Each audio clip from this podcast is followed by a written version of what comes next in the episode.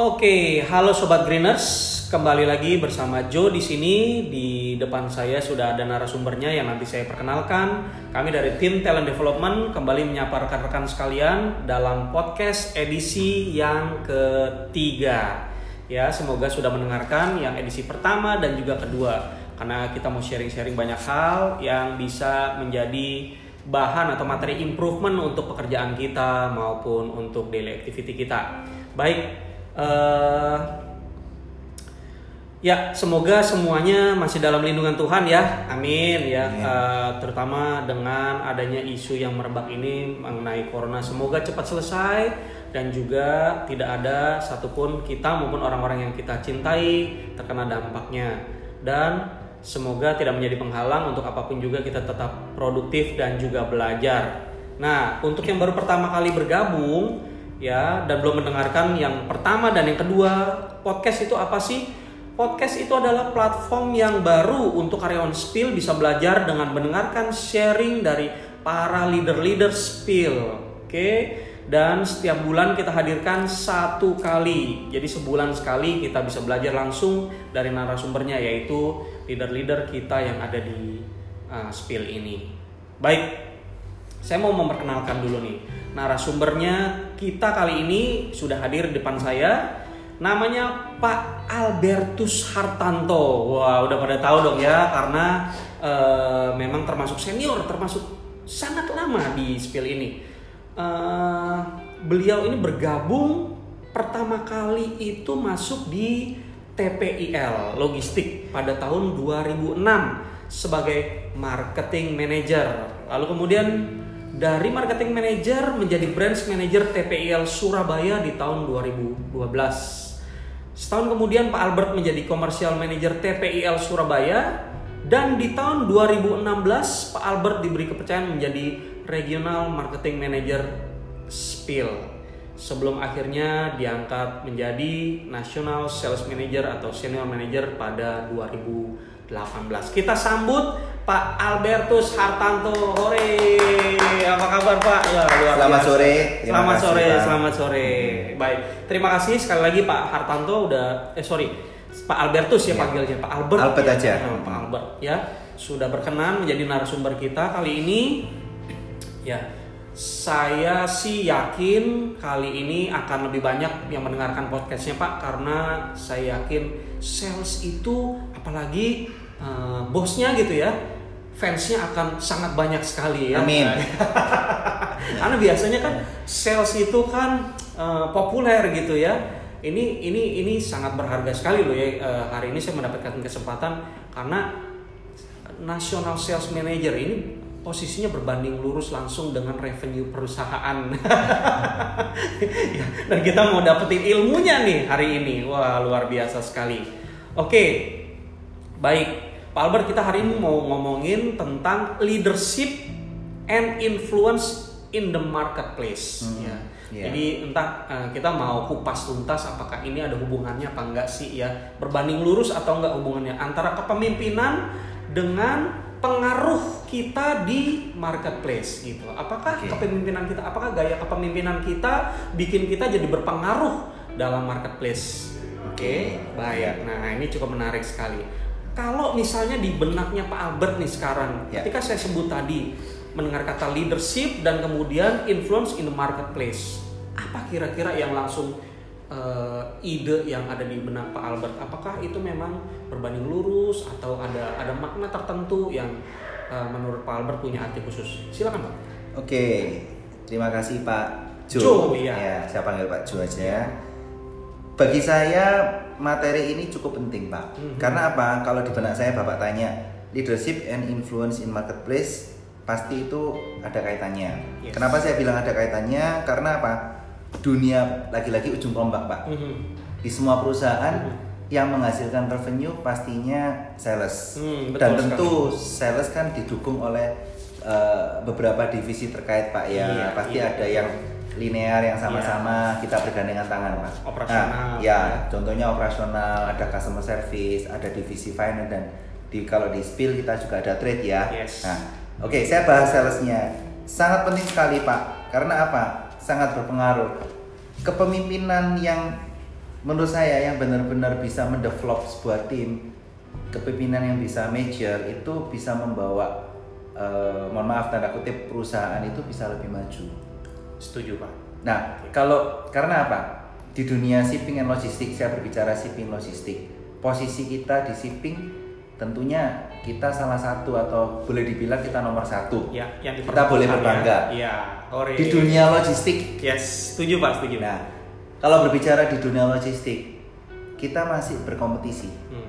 Kalau boleh dibilang bahwa tepil nomor berapa atau sepil nomor berapa di dunia logistik, saya hanya bisa mengatakan bahwa kita terus berlomba-lomba dengan kompetitor lain untuk menciptakan atau untuk mengcreate sebuah value yang positif atau value yang berdampak eh, lebih baik atau improvement yang berdampak lebih baik dari segi pelayanan kepada customer. Jadi pengaruhnya di situ. Kalau boleh bilang leader, leadership, Hmm. iya leadership harus sangat berpengaruh, sangat berpengaruh di marketplace. Hmm. Itu yang ada di di benak saya pak ya. Iya. Itu ya. Oke, nah eh, kalau tadi saya bisa menyimpulkan dari poin pertama ini berarti ketika leadershipnya bagus berarti akan langsung menjadi branding ya perusahaannya bisa menjadi branding di luar Secara tidak langsung ya, secara, secara tidak ya. langsung karena apa? Iya. Menciptakan inovasi. Iya, oke baik. Akan banyak inovasi-inovasi Iya. yang diciptakan dari leadership yang memang baik gitu ya. Yes. Di bawahnya mereka mendapatkan kreatif-kreatif ide dan Yes. juga ruang-ruang kreatif untuk Betul. mengembangkan ide-ide.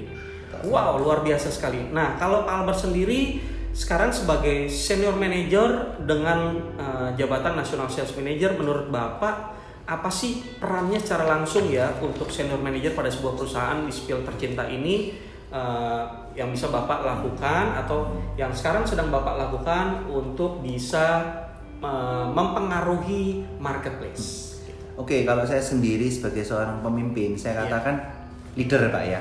Betul. Jadi bukan eh, pemimpin dalam arti saya memanage people. Mhm. Jadi saya me- bukan saya memberikan order pak atau perintah. Mhm. Tidak hanya itu. Yang saya ambil ambil kata kuncinya di sini adalah poin-poin penting adalah saya harus menjadi coach. Saya harus Mhm. menjadi pelatih buat mereka. Saya harus menjadi mentor buat mereka. Saya harus menjadi role model buat mereka Mhm. untuk level-level yang ada di bawah saya. Oke. Pastinya. Karena apa? Saya di sales. Iya. Saya punya tim. Mhm. Ya kan saya harus menjadi istilahnya saya juga harus menjadi contoh utama. Mhm. Kalau saya tidak melakukan coach, Mhm. saya tidak melakukan mentor, Mhm. saya mau bawa ke mana tim saya? Iya. Karena posisi saya adalah posisi yang langsung center dengan eh, di atas saya ada GM, Mhm. general manager dan direktur. Mhm. Dan di bawah saya ada level middle manager, junior manager, eh, team leader dan sampai level staff. Iya. Yang poin kedua, saya harus menjadi mirroring model, Pak. Jadi mirror ya. Mhm. Eh, saya anggap cermin. Iya. Jadi saya harus bisa mengajar diri saya dan bagaimana saya dengan level yang ada di eh, sejajar di kiri dan kanan saya. Jadi yang poin pertama tadi saya sebagai coaching, mentor dan role model. Poin kedua saya harus bisa menjadi mirroring model untuk level yang ada di samping kiri kanan saya. Oke. Menurut saya itu, Pak. Ya. Baik, luar biasa ya. Terima kasih. Nah, saya tertarik agak tertarik gini loh, Pak. Kalau misalnya Bapak cuma menjadi seorang pemimpin atau menjabat eh, sebagai pemimpin, eh, itu menurut saya hanya sebuah status administratifnya, status ad- status administratifnya. Nah, tapi Bapak memilih effort yang lebih tinggi lagi yaitu menjadi seorang coach, ya. Kalau coach itu pasti lebih repot ya, Pak ya. Benar nggak sih, Eh, Pak? Coach sama mentor beda. Coach, lebih repot. Coach lebih repot ya. Coach lebih Dan repot. Bapak memilih sebagai coach ya. Harus seorang leader harus bisa menjadi seorang coach, Yes. Oke. bukan hanya sebagai mentor. Oke. Nah, gini, saya tertarik nih. Saya mau nanya ada beberapa contoh kasus nggak sih Pak, eh, di mana Bapak itu menemukan eh, subordinat Bapak ya mengalami sebuah stagnasi, Hmm. terutama yang berhubungan dengan ini nih, influence menginfluence market ya. Ah, kemudian Bapak memilih saya harus coach dia nih, gitu Hmm. ya. Boleh diceritain nggak kasus? Boleh. Ya. Eh, saya ambil satu contoh, eh, dua contoh Dua kasus sih. contoh. Oke. Saya bilang bukan kasus tapi example ya. Yes. Ya, eh, ada seorang manajer baru Mhm. sebagai contoh manajer baru Mhm. yang notabene belum Mhm. atau masih boleh dibilang masih transisi, trans Iya, bertransformasi, belajar ya. belajar, Iya, iya. beradaptasi dengan dunia shipping dan logistik Yes. dari uh, field bisnis yang berbeda. Iya. Nah, secara otomatis saya sebagai leader, Mhm. saya harus memberikan contoh. Mhm. Karena apa? Mentor itu melakukan bimbingan. Mhm. Tapi kalau coach itu benar-benar kita harus melatih. Betul. Ya, karena kalau coach kita nggak bisa uh, istilahnya grup terlalu banyak. Mhm. Coach itu harus one by one. Hmm. Nah, kenapa itu saya melakukan hal tersebut? Mhm. Itu saya lakukan uh, sebagai contoh dua, dua, dua minggu yang lalu. Mhm. Saya melakukan visit Mhm. ke Palu, ke cabang Palu. Jadi saat itu saya memberikan contoh uh, bagaimana saya melakukan penetrasi ke pasar, Hmm. bagaimana saya melakukan istilahnya negosiasi Hmm. dengan customer, tentunya pedagang di Palu Hmm. bersama dengan tim saya, bersama dengan middle manager saya, bersama dengan tim leader saya, Hmm. sehingga poin-poin penting apa yang bisa mereka dapatkan Hmm. dan tentunya saya juga belajar kembali Iya. untuk bisa memberikan uh, istilahnya pelatihan secara tidak langsung. Hmm. Oh, caranya masuk kayak gini. Hmm. Caranya istilahnya menggali informasi seperti ini. Mhm. Ya, supaya customer itu bisa believe. Hmm. Customer itu paling tidak bisa trust kepada kita. Oke. Itu yang saya berikan Ya. semacam coach seperti itu. Itu Ya. satu coach dari sisi Ya. dun- eh, dari sisi pekerjaan ya Pak ya. Mhm. Jadi dari sisi bagaimana eh, saya berusaha untuk eh, membantu Ya. untuk eh, membangun suatu suatu apa suatu bentuk cara bagaimana kita melakukan penetrasi kepada Mhm. customer Mhm. ya di market di Palu saat itu. Iya. Nah, coach yang kedua yang saya lakukan, contoh kasus yang kedua Hmm. adalah saat di mana staff itu mulai uh, stuck. Stuck Hmm. itu dalam arti mulai mungkin uh, jenuh, Hmm. boring Hmm. dalam bekerja atau mungkin dia merasa bahwa pak kerjaanku kok banyak ya. Dan pasti sebagai sales ang- eh, Iya, pasti. berdampak sama Eh, pasti. angka pendapatannya ya ya? Pasti dalam arti ini uh, lagi-lagi lagi-lagi tidak ada perusahaan yang tidak ada pressure. Yes. Semua perusahaan pasti ada pressure. Pasti. Hanya kata kuncinya bagaimana kita eh, mengatur Manage. pressure, manage pressure itu atau stressing management ya, manajemen stressing. Nah, ada satu contoh kasus juga di mana sales saya ini bingung Hmm. dengan apa yang dilakukan. Mhm. Dia bingung sampai dia stuck. Hmm. Saya ditambahin kerjaan, saya bingung mau ngerjain apa lagi. Bukan nggak ada kerjaan loh, Iya. beda. Kalau nggak ada kerjaan bingung, nah itu something wrong. Ya. Oke. Tapi kalau ada kerjaan dan dia bingung apa yang harus dilakukan, Bingung prioritasnya ya. berarti prioritas dan bagaimana memanage waktunya dia. Hmm. Nah, apa yang saya lakukan? Hmm. Saya melakukan suatu proses namanya pemetaan. Hmm. Jadi cara saya mengcoach ada saya panggil Hmm. manajernya, saya panggil atasannya, saya panggil tim leader atau staff yang maksudnya mengalami hal tersebut seperti Hmm. itu. Hmm. Saya melakukan pemetaan. Hmm. Pemetaan yang saya lakukan pekerjaan apa yang kamu lakukan. Hmm. Terus administrasinya seperti apa. Oke. Terus Anda berhubungan dengan siapa saja saat itu. Dari situ saya bisa saya bisa melakukan mapping dalam arti oh yang ini bukan kamu seharusnya ngerjain. Yang ini adalah divisi lain. I see. Yang ini tugas kamu. Oke.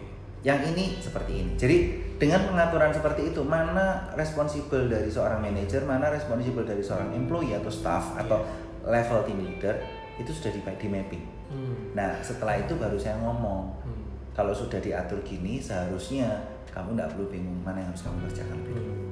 Seperti itu, Bang. Karena lebih spesifik ya Lebih berarti. spesifik dan kita harus benar-benar memberikan membuka mereka wawasan mereka bahwa ini loh kue kamu segini Iya. masih cukup. Iya.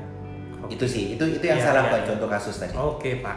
Nah kalau saya lihat tadi si bapak stylenya langsung kepada timnya ya, langsung pada Iya. tim bapak ya. Eh, yang di Palu tadi juga bapak langsung melakukan coaching pada manajer, junior Hmm. manager dan Tim leader. leader. Oke. Nah bapak langsung ke dua level di bawahnya ya, Yes. dua level di bawahnya. Itu langsung langsung hal teknisnya Iya. diperlihatkan kepada mereka.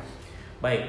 Nah Kira-kira Bapak punya langkah spesifik nggak untuk juga tim di bawah Bapak nih satu layer itu menjadi coach juga gitu loh. Supaya dia juga bisa melatih yang di bawahnya Bapak gitu. Iya, kalau saya bilang eh, mengcoaching untuk melahirkan coach yang Yes. baru. Ya pasti Pak. seorang manajer juga harus melakukan coaching buat tim di bawahnya. Oke. Karena saya pun dulu adalah seorang middle manager Hmm, Oke. dan sekarang saya naik ke senior manager. Hmm. Harus Pak. Jadi kalau tipsnya apa? Ya saya selalu memberikan penekanan ketika saya mengcoaching manager Hmm. di bawah saya, Hmm. either itu dalam grouping Hmm. sebagai mentor, either itu one by one. Saya selalu mengingatkan, Hmm. adakan waktu one by one, Hmm. panggil level di bawah kamu atau tim kamu satu persatu, tanya kendalanya mereka apa, Oke. yang mereka hadapi apa, itu coaching, Iya. melatih mereka. Iya. Itu, itu yang saya lakukan. Ya. Pak. Jadi mereka nggak buntu ya dapat jalan keluar ya dan mereka langsung eh, apa namanya brainstorming dengan atasan langsungnya yang mengerti secara teknis dailynya ya. Yes, dan itu harus periodik. Ya betul. sekali. Coaching tidak bisa sebulan sekali, dua bulan sekali. Periodenya berapa lama pak? Kalau bisa seminggu sekali sudah harus ada coaching. Seminggu Setiap sekali. karena apa pak? Tergantung timnya. Ya. Lah kalau timnya cuma tiga orang ya seminggu sekali adalah waktu yang cukup. Jadi minggu ini ketemu lagi minggu depan. Oke. Nah bapak yang bapak lakukan sekarang adalah seminggu sekali. Kalau saya dengan manajer saya pastinya seminggu sekali. Pak. Seminggu sekali ya rutin ya. Dari eh, hal yang formal dan informal. Hmm. Saya mencoba sesuatu yang informal dulu. Hmm. Formal adalah ya seperti sekarang ini, Iya, iya. contoh podcast ini ya. Saya ini sesuatu yang formal. Oke. pastinya Hmm. mengambil waktu jedanya mereka. Iya. Sesuatu yang informal, saya ada duduk di, mejanya mereka, saya ngobrol itu sesuatu yang informal. Hmm. Itu bisa disematkan coaching. Oke. Tuh. Nah kira-kira kenapa bapak milih secara informal duluan tuh pak daripada yang formal? Karena Kira-kira- informal bisa cepat kita mengambil keputusan. Oh. Informal berbicara tentang eh, problema yang dihadapi daily. Hmm. Kalau formal itu berbicara mengenai satu developmentnya apa, Oke. Terus kedua eh, istilahnya masalah yang mau dihadapi yang Hmm. cukup gede yang di parking lot yang Iya, di lebih outstanding, besar ya. itu perlu di- dibicarakan lebih detail. Oke. Bedanya itu pak. Oke oke oke Ya. Kalau informal itu yang lebih spesifik, Iya, lebih detail, lebih detail. ya, lebih daily Yes. gitu ya. Kalau yang informal lebih ke arah visinya, Betul. visi besarnya, helikopter Ya. view-nya. Yes, gitu ya. itu di formalnya. Kalau informalnya lebih dailynya pak. Hmm. Karena logistik ini ya saya nggak tahu di perusahaan Hmm. lain. Hmm. Saya saya saya yakin satu hal pak di perusahaan lain juga sama. Hmm. Kalau di tempat kita itu istilahnya bukan yang major, yang istilahnya yang daily analisisnya Hmm. itu yang small thingsnya itu harus dan dibilang harus ya cukup banyak Hmm. yang harus kita detail Hmm. analisa Pak, Oke. Oke. di perusahaan ini Ya ya ya ya. itu. Ya. Dan improvement dimulai dari yang kecil-kecil. Yes. Nah, karena kalau saya ingat sebuah apa ya, sebuah quotes bilang manusia tuh nggak jatuh ke sandung dari batu yang besar gitu ya. Kalau ketemu batu besar ke sandung dia namanya tabrak ya, dia nggak lihat ya. Tapi dari batu-batu yang kecil. Batu yang kecil. Oke, that's good pak. Thank you. Nah, Hmm. sekarang gini Pak, tadi kayaknya sih saya ngebayangin asik juga nih jadi timnya Bapak ya bisa di develop, bisa di coach. Hmm. Nah kira-kira nih Pak, kalau saya tanya ke tim Bapak tentang leadershipnya Pak Albert, ya, Gaya kepemimpinan. gaya kepemimpinan Pak Albert dan eh, ya pendapat mereka lah tentang Oke. kepemimpinan Pak Albert. Kira-kira mereka bakal bilang Oke, kalau saya boleh bilang, saya sendiri deh, saya sering ngomong Iya. sama mereka. Iya. Dalam artian gini, em, pekerjaan itu tidak tidak ada yang nggak membuat kita stres. Hmm. Ya. Tapi bagaimana cara mem- kembali lagi pada passion. Hmm. Kita bangun pagi, ya jujur boleh dibilang kalau orang itu tidak ada passion Hmm. di situ, Hmm. mau bangun pagi aja udah males. Hmm. Nah, bagaimana cara kepemimpinan saya? Saya menciptakan diri saya sendiri satu, kita nggak boleh stres. Hmm. Saya sersan pak. Oke. Saya tahu kapan harus push, kapan kapan saya harus tarik. Sersan serius tapi santai. Iya, saya push pullnya itu saya saya harus tahu timingnya. Oke. Karena saya hadapi itu banyak karakter, Iya iya iya. iya. banyak banyak rata-rata profil profil uh, employee Iya. macam-macam ya. Ya istilahnya saya juga harus memahami mereka, Profiling dulu lah ya. profiling dulu. Ya kita nggak boleh stres. Oke. Saya harus fokus pada goal. Saya fokus pada goal. Terus kedua, saya selalu mempunyai gaya kepemimpinan itu tadi itu daily ya. Hmm. Pahami proses yang ada harus. Kalau prosesmu benar, goalmu pasti nyampe lah. Setuju. Itu itu itu itu kita nggak bisa menyalai bahwa kita nyampe goal tapi nggak melewati proses. Iya iya iya. Yang ketiga, passion. Pasti harus punya passion. Hmm.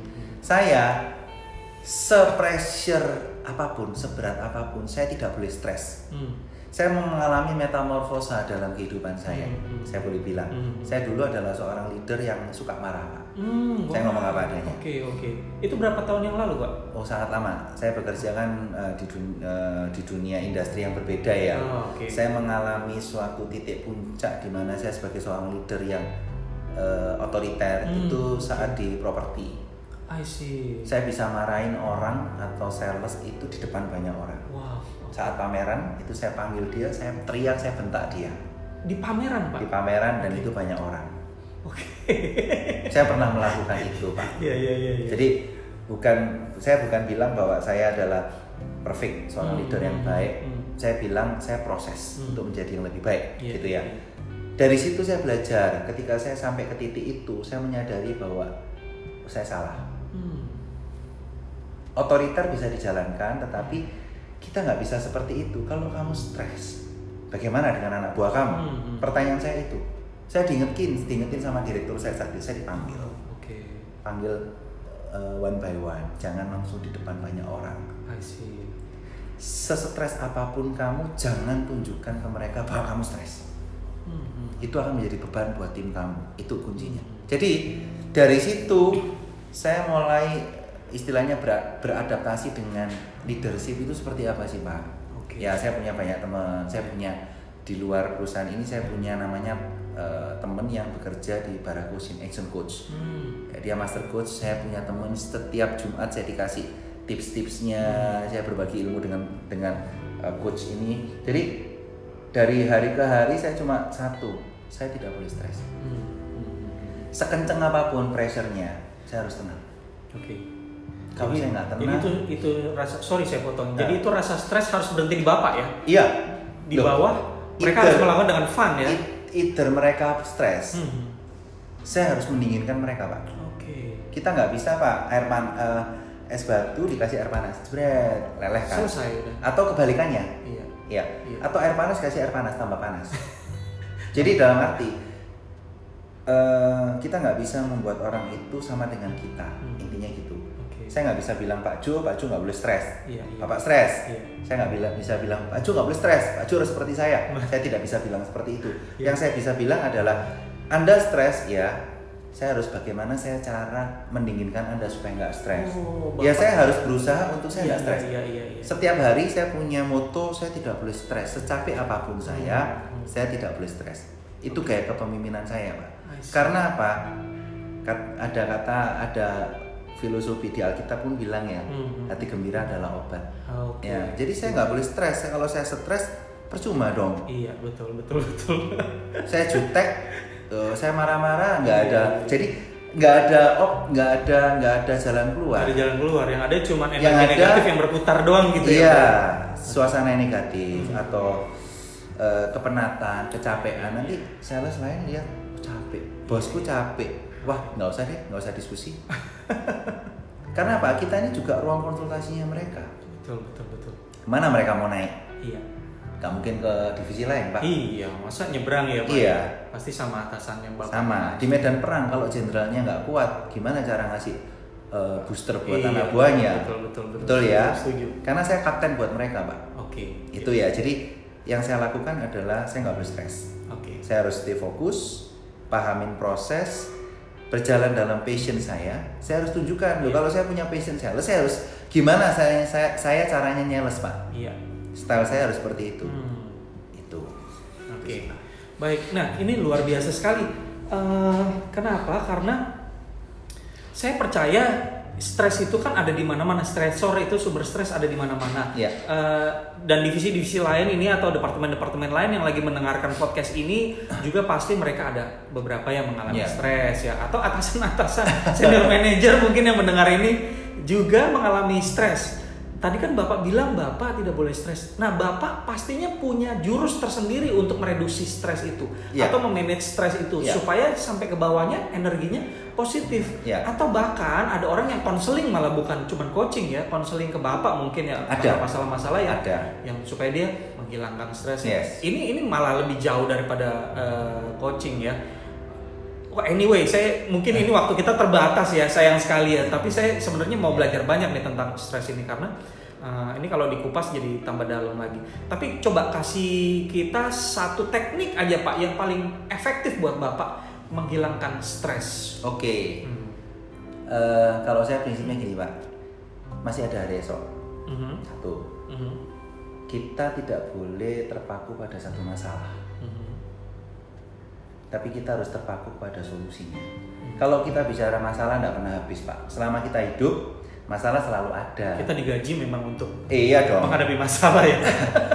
Intinya gini Pak, kita sebagai seorang karyawan, hmm kita harus siap dimarahin, hmm. siap ditekan, yeah, ya kan? Yeah. Karena kita digaji. Betul, betul. Kalau kita gak digaji, kita yang menggaji, kita tidak ya, boleh dimarahin. Berarti sukarelawan, volunteer betul, ya. Betul, betul, ya. betul, Karena perusahaan ini bukan perusahaan sosial, hmm. perusahaan ini adalah perusahaan komersial. Betul, betul. Berarti kita harus siap menerima tekanan. Hmm. Itu mutunya harus stempelnya harus jelas. Yeah. Jadi kalau siap terima tekanan, prinsip saya, saya tidak mau menekan tim saya, Pak. Hmm. Karena apa? saya nggak gaji mereka pak hmm. saya partnernya mereka pak oh, oke okay. itu yang saya gini pak saya bukan bosnya mereka pak ya saya highlight itu pak luar biasa loh saya iya. saya nggak gaji mereka iya, pak iya, iya, iya, iya.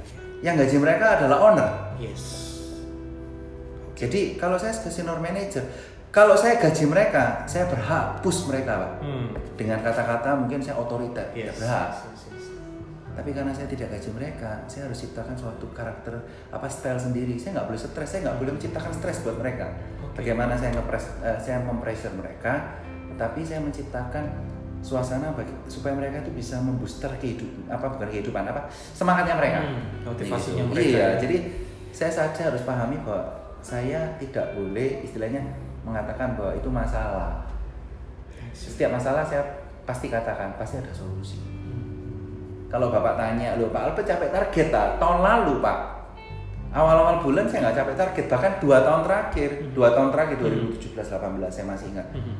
dua bulan tuh nggak capek target Pak. Saya baru panas di bulan Maret. Tahun ini saya canangkan sama teman-teman, saya bilang sama mereka, ayo kita harus nyampe target di awal. Karena apa? Kalau kita terlambat panas, hmm. ngangkatnya susah pak. Sales hmm. itu kalau targetnya nggak nyampe di awal susah pak. Belakangnya mendol. Akumulasi. Ya, tapi saya bersyukur Januari kita nyampe target. Achieve. Wow. Februari Januari. kita achieve. Bulan Maret ini saya sudah hitung kita bisa tembus juga, Pak. Wow. Ya, jadi kembali okay. lagi uh, saya mencalon mereka juga. Iya, iya. Iya kan, saya juga mencalon diri saya. Iya. Tuh, kedua, Pak, kita harus tenang, Pak. Hmm. Kedewasaan diukur bagaimana kita menyikapi masalah. Itu tergantung sikap hati kita. Oke. Masalah tidak pernah tidak ada. Uh -huh ya bagaimana sikap hati kita menyikapi itu kalau kita bilang bahwa oh masalah terus masalah terus ya kita akan stres hmm. sikap hati pak ya saya selalu pakai dua itu ya ya yang terakhir pasti kita punya Tuhan hmm. kita punya agama ya, ya, ya, itu yang penting pak setuju setuju setuju ya kalau yang atas rencana ini beda ya kita mau gimana pun kita balik. mau punya uang miliaran pun yang atas uh, plannya beda kita nggak bisa apa-apa pak intinya kan gitu jadi betul, betul, intinya betul. kita harus uh, connect ya pak ya. Iya iya iya. Gitu. Jadi ada hubungan hubungan vertikal juga iya, Iya horizontal juga vertikal juga. Yes. Oke. Okay. Nah kalau vertikalnya baik horizontal. Yes, jangan stres-stres lah. Oh, Oke. Okay. Baik ini luar biasa sekali. Aduh, saya mau saya banyak pertanyaan akhirnya yang timbul ya, tapi saya harus menahan diri dulu. Nanti suatu saat uh, boleh dong ya kita kita undang gitu ya sebagai narasumber di training-trainingnya Skill University juga ya Pak. Ya? Silakan ya? Pak. Ya karena ini ini soft skill banget soalnya Pak ya tentang yeah. leadership ini uh, ada banyak jurus, ada banyak style yang nggak bisa dikotak-kotakan, tapi kita yeah. bisa gali langsung dari kehidupan nyata. Yes. Baik Pak, terima kasih. Nah Pertanyaan terakhir tentang MySpill atau hmm. uh, aplikasinya kita nih Pak. Aplikasi yang berhubungan langsung sama sales juga pasti kan hmm. ya. Kira-kira ada masukan nggak untuk MySkill uh, MySpill Pak? Apakah okay. ada perbaikan atau improvement atau uh, ada statement tertentu silakan. Yes, uh, sama Pak ya. Saya pernah kalau nggak salah Pak Ju, kita dulu dari uang tunai menjadi cash hmm. uh, menjadi apa ya cashless, cashless. atau ATM ya, bukan cashless ya ATM kita bisa ambil sekarang kita pakai uh, ber bertransformasi hmm. metamorfosis ke online hmm. payment hmm. ya itu butuh proses hmm. kalau nggak salah dari uang cash ke ATM pengenalan 10 tahun hmm. untuk menciptakan trust itu. Iya. Kembali lagi bahwa platform digital untuk MySpill tentunya, Hmm. Spill sudah menjadi pioner. Kita boleh berbangga bahwa Spill di industri shipping digitalisasinya nomor satu. Pertama. Lebih dulu pertama kali Iya. meng-create itu. Iya. Saya bangga pak. Hmm. Sebagai karyawan saya bangga bahwa kita menjadi pioner. Tidak boleh berhenti sampai di situ pak. Hmm. Kita bukan hanya sebagai pioner, tapi kita harus juga menjadi pioner untuk membuat semua orang, tentunya customer, Hmm. Itu bisa beradaptasi dengan sistem yang adaptable pak. Hmm. Karena apa? Sistem kita bakal dicontoh. Siapa yang pertama pertama kali menciptakan ATM itu dicontoh pak sistemnya, Betul. pasti. Betul betul. Setelah itu pengembangan udah itu tiap-tiap perusahaan punya pengembangan sendiri. Iya, iya. Tapi simple konsepnya ATM sama, Hmm. ngambil uang, Hmm. ya kan? Iya. Nah dari situ Spill harus menurut saya Spill harus memper- memberikan improvement, tentunya di IT pak ya. Hmm. Infrastruktur dari teknologi itu sangat penting Hmm. untuk mendevelop dan mengembangkan kekuatan dari digitalisasi. Oke. Tanpa itu nol pak. Bagi saya itu ya pak ya. Iya iya iya. iya. Karena kalau kita nggak punya infrastruktur yang kuat, kita tidak akan bisa menciptakan inovasi-inovasi di dunia digital pak. Iya. Karena digital itu sistem pak. Iya. Begitu saya saya senang dengan iklannya XL, Oke. Lemot ya, Iya. terus gerakannya lambat. Iya, iya, iya, iya. Ya itu contohnya gitu pak. Ya saya mengartikannya di situ gitu loh pak. Paham paham. Paham ya. Paham, Jadi paham. kalau kita cepat, Iya. yang inovasinya cepat tidak diimbangi dengan infrastruktur yang kuat, Mhm. kita nggak bisa nyediain eh, seperti kita restoran kelas 1 Hmm. tapi masakannya kelas 3 atau kelas 4 kita harus kalau kelas 1 kita harus Dapurnya bintang juga. dapurnya harus kelas 1 taste-nya juga. harus sama jadi dari hulu ke hilir itu taste-nya harus sama Hmm. jadi kalau nanti dikasih bintang sama customer bintang 5, bintang 7, bintang 10, bintang Hmm, hmm, sekian. hmm. Oke. itu aja pak Oke, Pak. Jadi memang kita harus ready terus secara improvement culture yes jadi culture ya. culture-nya harus seperti itu Yes. Betul. Jadi improvement itu harus menjadi kebiasaan di sisi sarananya dan juga cara kerjanya juga ya. ya itu leadership pak ya Leadership. itu influence marketplace. Yes. Oke oke. Dan lalu nanti kemudian market akan mengikuti culture-nya kita Yes. gitu kan ya. Mantap, luar biasa sekali. Iya. Terima kasih banyak, Iya. Pak. Eh, boleh saya tambahin satu aja Silakan, pak silakan. Eh, tadi kan di sini eh, tentang leadership pak Iya, ya. iya. Kalau bagi saya, bagi saya pak, Mhm, seorang leader yang baik, saya kasih lima poin aja. mhm. Mungkin ini di akhir acara pak ya. Oke. Satu leader baik itu pasti harus dapat dipercaya pak. Trust. Dapat dipercaya oleh timnya. Semua pak, oleh semua semuanya. orang pak. Ya tentunya oleh timnya sih pak Iya. pasti. Kedua punya positive mindset. Oke. Ya. Jadi melihat orang itu dari sisi positifnya, bukan melihat orang dari kejelekannya pak. Susah itu ya. Kalau kita mau jadi leader yang, Pesimis ya. yang eh, bertumbuh, kita jangan melihat orang dari sisi negatif. Nggak bisa. Hmm. Kita nggak akan bisa temukan solusi kalau kita selalu melihat dari sisi negatif. Ya, bagi saya itu pak ya, menyelesaikan masalah dari positifnya bukan negatifnya. Iya. Ketiga, dewasa dalam cara berpikir dan bertindak. Oke. Tuh. Kapan kita harus eh, cepat meng- mengambil keputusan dan kapan kita harus cepat memberikan replay tanpa harus memberikan keputusan. Hmm. Dan yang ketiga, kapan kita harus diam, nggak perlu kasih keputusan. Hmm. Itu.